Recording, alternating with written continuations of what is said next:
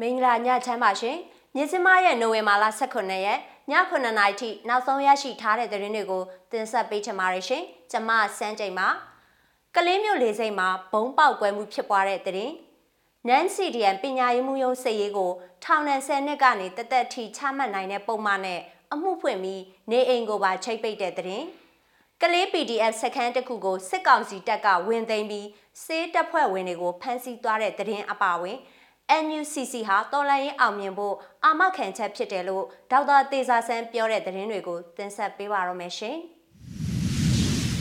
ကလေးမျိုးလေးစိတ်မှာဘုံပေါက်ကွဲမှုဖြစ်ပွားတဲ့သတင်းနဲ့ဆက်လိုက်ချင်ပါတယ်။စကိုင်းတိုင်းဒေသကြီးကလေးမျိုးမှာရှိတဲ့လေးစိတ်မှာဒီကနေ့နိုဝင်ဘာလ18ရက်နေ့လယ်17နာရီခွဲကဘုံပေါက်ကွဲမှုတစ်ခုဖြစ်ပွားခဲ့ကြောင်းဒေသခံ PTF ကပြောပါတယ်။ပောက်ကွဲမှုမှာကလေးလေးစိတ်တွင်ပြေးလန်းအနီးမှာပောက်ကွဲတာဖြစ်တယ်လို့ ဖောက်ခွဲမှုကိုပြုလုပ်ခဲ့တဲ့အဖွဲ့ကမြစ်စမကိုအတိပြုပြောဆိုပါရယ်နေ့လယ်7နာရီခွဲလောက်ကပောက်တာပါအတန်ကတော့တော်တော်ကျဲတယ်ကလေးမျိုးအောင်တစ္ဆာရက်ွက်ဘိုးချုပ်လမ်းပြီးကြန့်ခိုင်ရီယုံမျက်နှာချင်းဆိုင်လေးစိတ်အနီးမှာပောက်တာပါလို့ကလေးဒေတာခန်တအူကပြောပါတယ်လက်ပစ်ပုံနဲ့ပစ်ပေါက်ဖောက်ခွဲမှုပြုလုပ်သွားတာဖြစ်ပြီးဖြစ်ပွားခဲ့တဲ့နေရာမှာလေးစိတ်အဆောက်အုံနဲ့လေရင်စောင့်ကြည့်မျှော်စင်တရှိရာနေရာနဲ့မီတာ200ခန့်သာကွာဝေးကြောင်းဒေတာခန်တအူကပြောပါတယ် ကလေးလေစိတ်ဟာစကိုင်းတိုင်းဒေသကြီးအတွင်းမှာရှိတဲ့ကလေးမြို့မြို့လေကောင်မှာတည်ရှိပြီးလေစိတ်အနီးမှာစစ်ကောင်စီရဲ့ဒေသကွက်ကဲရေးစစ်ဌာနချုပ်တည်ရှိပါတယ်။ကလေးမြို့မှာနိုဝင်ဘာ16ရက်ကစတင်ပြီးတော့ဒေသကွက်ကဲရေးတပ်ဖွဲ့တွေနဲ့စစ်ကောင်စီတပ်ဖွဲ့တွေကြားတိုက်ပွဲတွေပြင်းထန်စွာဖြစ်ပွားနေပြီးလက်ရှိအချိန်ထိမြို့အနောက်ဘက်တောင်ပီလာအနီးနဲ့တာဟန်းရက်ကွက်တို့မှာပြစ်ခတ်တံတွေကြားနေရကြောင်းဒေသခံတွေကပြောပါတယ်ရှင်။ရန်ကုန်တိုင်းကသတင်းနဲ့ဆက်ချင်ပါတယ်။ ရန်ကုန်တိုင်းလှဲကူးမြို့နယ်ပညာရေးမှုယုံကအကြမ်းမဖက်အာဏာဖီဆန်ရေးလှုပ်ရှားမှု CDM မှာမပါဝင်သူနန် CDM ရုံးစည်းဦးကျော်စိုးကိုစစ်ကောင်စီကထောင်ဒဏ်10နှစ်ကနေထောင်ဒဏ်တသက်ထိချမှတ်နိုင်တဲ့ပုံမှန်နဲ့အမှုဖွင့်ပြီးနေအိမ်ကိုပါချိတ်ပိတ်လိုက်ကြောင်းဒေသခံတွေစီကသိရပါဗျ။လှဲကူးမြို့နယ်ပညာရေးမှုယုံမှာလက်ထောက်ကွန်ပျူတာမှုအဖြစ်လုပ်ကင်နေတဲ့ဦးကျော်စိုးနဲ့ သူ့ရဲ့အမျိုးသမီးရဲမွန်တက်မျိုးခမာယ214ရဲ့မူလာတန်းကျောင်းအုပ်ဒေါ်တပြေတို့ကိုနိုဝင်ဘာလ10ရက်ညပိုင်းကသူတို့ရဲ့နေအိမ်မှာစစ်ကောင်စီတပ်ဖွဲ့တွေလာရောက်ဖမ်းဆီးခေါ်ဆောင်သွားခဲ့တာဖြစ်ပါတယ်။သူတို့ဇနီးမောင်နှံဟာ PTF တွေအတွက်ဒလန်ပြုလုပ်ပေးခဲ့ပြီး NaN CDM စရင်ကို PTF တွေစီကိုမှတ်အပ်ခင်အဖမ်းခံလိုက်ရတယ်လို့ဒေသခံတွေကခံမှန်းပြောဆိုနေကြပါတယ်။ ဒါပေမဲ့ဖမ်းဆီးခံရတဲ့အကြောင်းရင်းကိုမြစ်စမကတီးခြားအတည်ပြုနိုင်ခြင်းမရှိသေးပါဘူး။မြို့နယ်ရဲစခန်းမှာဥကျော်စိုးကိုပုံမှန်90ဇာမင်ဆွဲနဲ့အမှုဖွင့်ထားပြီးဒေါ်တပြေကိုပုံမှန်905နဲ့စစ်ကောင်စီကအမှုဖွင့်ထားကြောင်းသိရပါဗျ။အခုမြို့နယ်စခန်းရောက်နေပြီးတော့ပြောတယ်ဘယ်သူမှတွေးခွင့်မရဘူးအမျိုးသမီးကိုတော့905ဘလောက်နဲ့ဖွင့်ထားလဲတေချာမသိဘူးလို့သူတို့နဲ့နီးစပ်သူတွေကပြောပါတယ်ဆွဆွဲထားတဲ့အမှုတွေအရပုံမှန်90ဇာမင်ဆွဲဟာ ပုံမှ39ပုံမှခွဲကကြီးနဲ့ပုံမှခွဲခခွေးပါအကျန်းဖက်ဘုံခွဲတိုက်ခိုက်မှုဆိုင်ရာပြစ်မှုလို့ဖော်ပြထားပါတယ်ရှင်ဆက်လက်ပြီးတော့စကိုင်းတိုင်းကလေးမြို့နယ်အနောက်တောင်ပိုင်းရှိကလေးမြို့ကာကွယ်ရေးတပ်ဖွဲ့ကလေး PDF ရဲ့ကာကွယ်ရေးစခန်းတစ်ခုကိုစစ်ကောင်စီတပ်တွေကအလစ်ငိုက်ဝင်ရောက်သိမ်းပိုက်ခဲ့တယ်လို့ကလေး PDF ကမနေ့ကနိုဝင်ဘာ16ရက်နေ့စွဲနဲ့ထုတ်ပြန်ထားပါတယ်။ သူတို့ကကျွန်တော်တို့စခန်းရှိတဲ့ဘက်ကို drone တွေနဲ့ရောမြေပြင်ကပါထောက်လန်းနေတာကြပြီရဲဘော်တွေရှေ့တန်းထွက်နေတဲ့အချိန်စခန်းကိုအလင်းငိုက်ဝင်ရောက်လာတဲ့အတွက်ကြံခဲ့တဲ့စေးတပ်ဖွဲ့ဝင်တွေအဖမ်းခံလိုက်ရတာလို့ကလေး PDF တာဝန်ရှိသူတဦးကပြောပါရယ်တိမ့်ပိုက်ခံလိုက်ရတဲ့စခန်းဟာကလေး PDF တက်ရင်သုံးလက်အောက်ရှိစခန်းဖြစ်ပြီးစခန်းအတွင်းမှာရှိတဲ့စေးတပ်ဖွဲ့ဝင်တွေဖြစ်တဲ့အမျိုးသမီး၈ဦးနဲ့အမျိုးသား2ဦးကိုဖမ်းဆီးသွားပါတယ်။ မနေ့ကမိုးလွဲပိုင်းချိန်ကစလို့ည6နာရီထိကလေး PDF ချင်းအမျိုးသားကာကွယ်ရေးတပ်ဖွဲ့ CNDF ချင်းအမျိုးသားကာကွယ်ရေးတပ်ဖွဲ့ကလေးနဲ့ CDF KKG တို့ပူးပေါင်းတပ်ဖွဲ့နဲ့စစ်ကောင်စီတပ်တို့တိုက်ပွဲဖြစ်ပွားခဲ့တယ်လို့ PDF ကလေးကထုတ်ပြန်ထားပါတယ်။ ကလေးမျိုးရှားတော်ရွာမြို့ကြီးကုန်းနဲ့မြို့လာရက်ွက်တွေဘက်ကနေစစ်ကောင်စီတပ်ကစစ်ကြောင်းများခွဲတက်လာတဲ့ချိန်မှာ PDF ကလေးကမဟာမိတ်တွေနဲ့ပူးပေါင်းခုခံခဲ့ပြီးမြို့လရက်ကွက်ကနေတက်လာတဲ့စစ်ကြောင်းကိုမိုင်းခွဲတိုက်ခိုက်ခဲ့ကြောင်းသိရပါဗျ။တန်ဟန်းရက်ကွက်မှာရှိတဲ့ရဲစခန်းကိုလည်းလက်နက်ကြီးလက်နက်ငယ်တွေနဲ့ပစ်ခတ်ခဲ့တယ်လို့ထုတ်ပြန်ချက်မှာဆိုထားပါတယ်။ ဒီကနေ့နိုဝင်ဘာလ18ရက်မနက်9နာရီကစလို့နေ့လယ်12နာရီအချိန်ထိရှားတော့နဲ့စက္ကန့်ရွာတွေမှာထိတွေ့တိုက်ပွဲတွေရှိနေပေမဲ့လည်းထိခိုက်ဒေဆုံးမှုစည်ရင်းကိုမသိရသေးပါဘူးရှင်။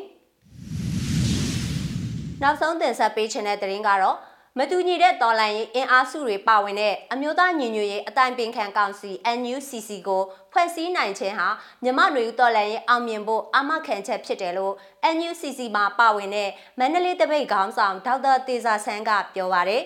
မနေ့ကနိုဝင်ဘာလ16ရက်မှာပြုလုပ်တဲ့ NUCC သတင်းစာရှင်းလင်းပွဲမှာပြောကြားခဲ့တာပါ။ NUCC ဟာမြမသမိုင်းတလျှောက်မှာမရှိခဲ့ဘူးတဲ့စုဝေးညီညွတ်မှုအင်အားစုကြီးတစ်ခုဖြစ်ပြီးအခုထက်စုဖွဲ့မှုပုံမအားကောင်းလာအောင်ဆောင်ရွက်သွားမယ်လို့သူကပြောပါတယ်။ NUCC ကိုအဖွဲ့ဝင်အစုဖွဲ့28ခုနဲ့ဖွဲ့စည်းထားပြီးတိုင်းရင်းသားလက်နက်ကိုင်အဖွဲ့10ဖွဲ့လည်းပါဝင်ပါတယ်။တိုင်းရင်းသားလက်နက်ကိုင်အဖွဲ့10ဖွဲ့မှာကရင်အမျိုးသားအစည်းအရုံး KNU ကရင်နီကရားပြည်နယ်အတိုင်းပင်ခံကောင်စီနဲ့ဂျားကာလာချင်းအမျိုးသားအတိုင်းပင်ခံကောင်စီတို့ဖြစ်ပြီး ကြံအဖွဲ့၅ဖွဲ့ရဲ့အမိတွေကိုထုတ်ဖော်ပြောကြားလို့မရသေးကြောင်း NUCC ကပြောပါရယ်။ဒါပြင်ဂျားကာလာမှာကျင့်သုံးမဲ့ Federal Democracy ပြည်ညံကိုလာမယ့်ဒီဇင်ဘာလမှာ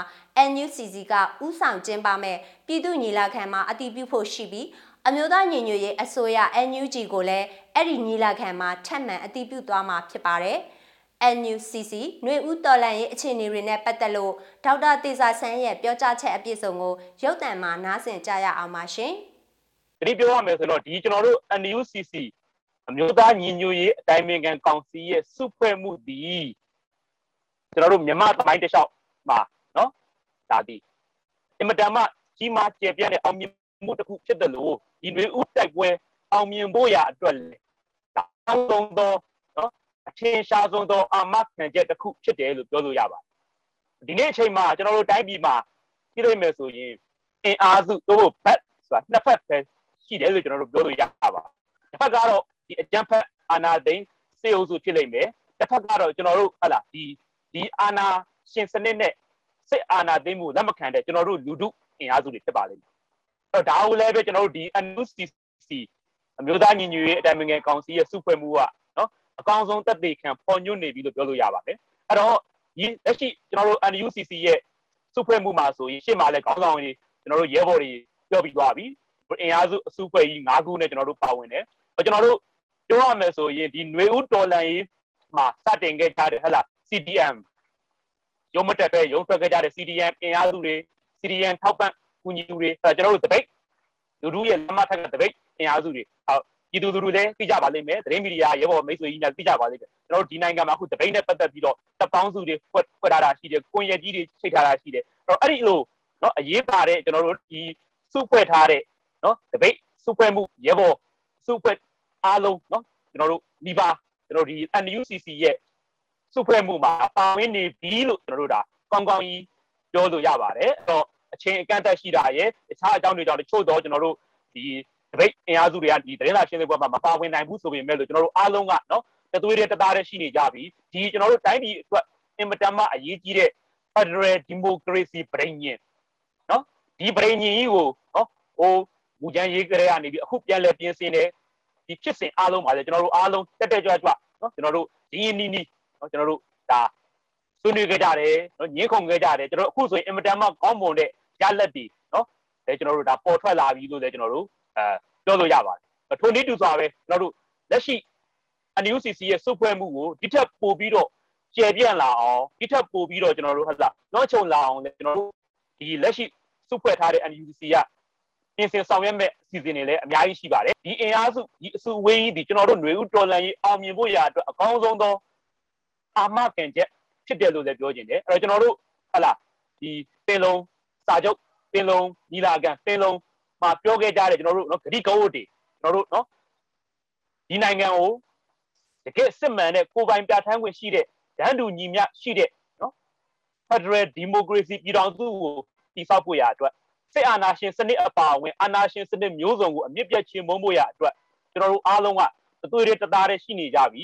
တညီတညွတ်ထဲရှိနေကြပြီလို့ပြောချင်တယ်ဒီညီညွတ်မှုကဒီကျွန်တော်တို့ရဲ့အောင်ပွဲကမုတ်ချကျွန်တော်တို့ မလွဲမသွေရောက်ကိုရောက်ရမယ်ကျွန်တော်တို့အရေးတော်ပုံကလည်းမုတ်ချအောင်ကိုအောင်မယ်ဆိုတာလည်းကျွန်တော်တို့ပြောလိုပါတယ်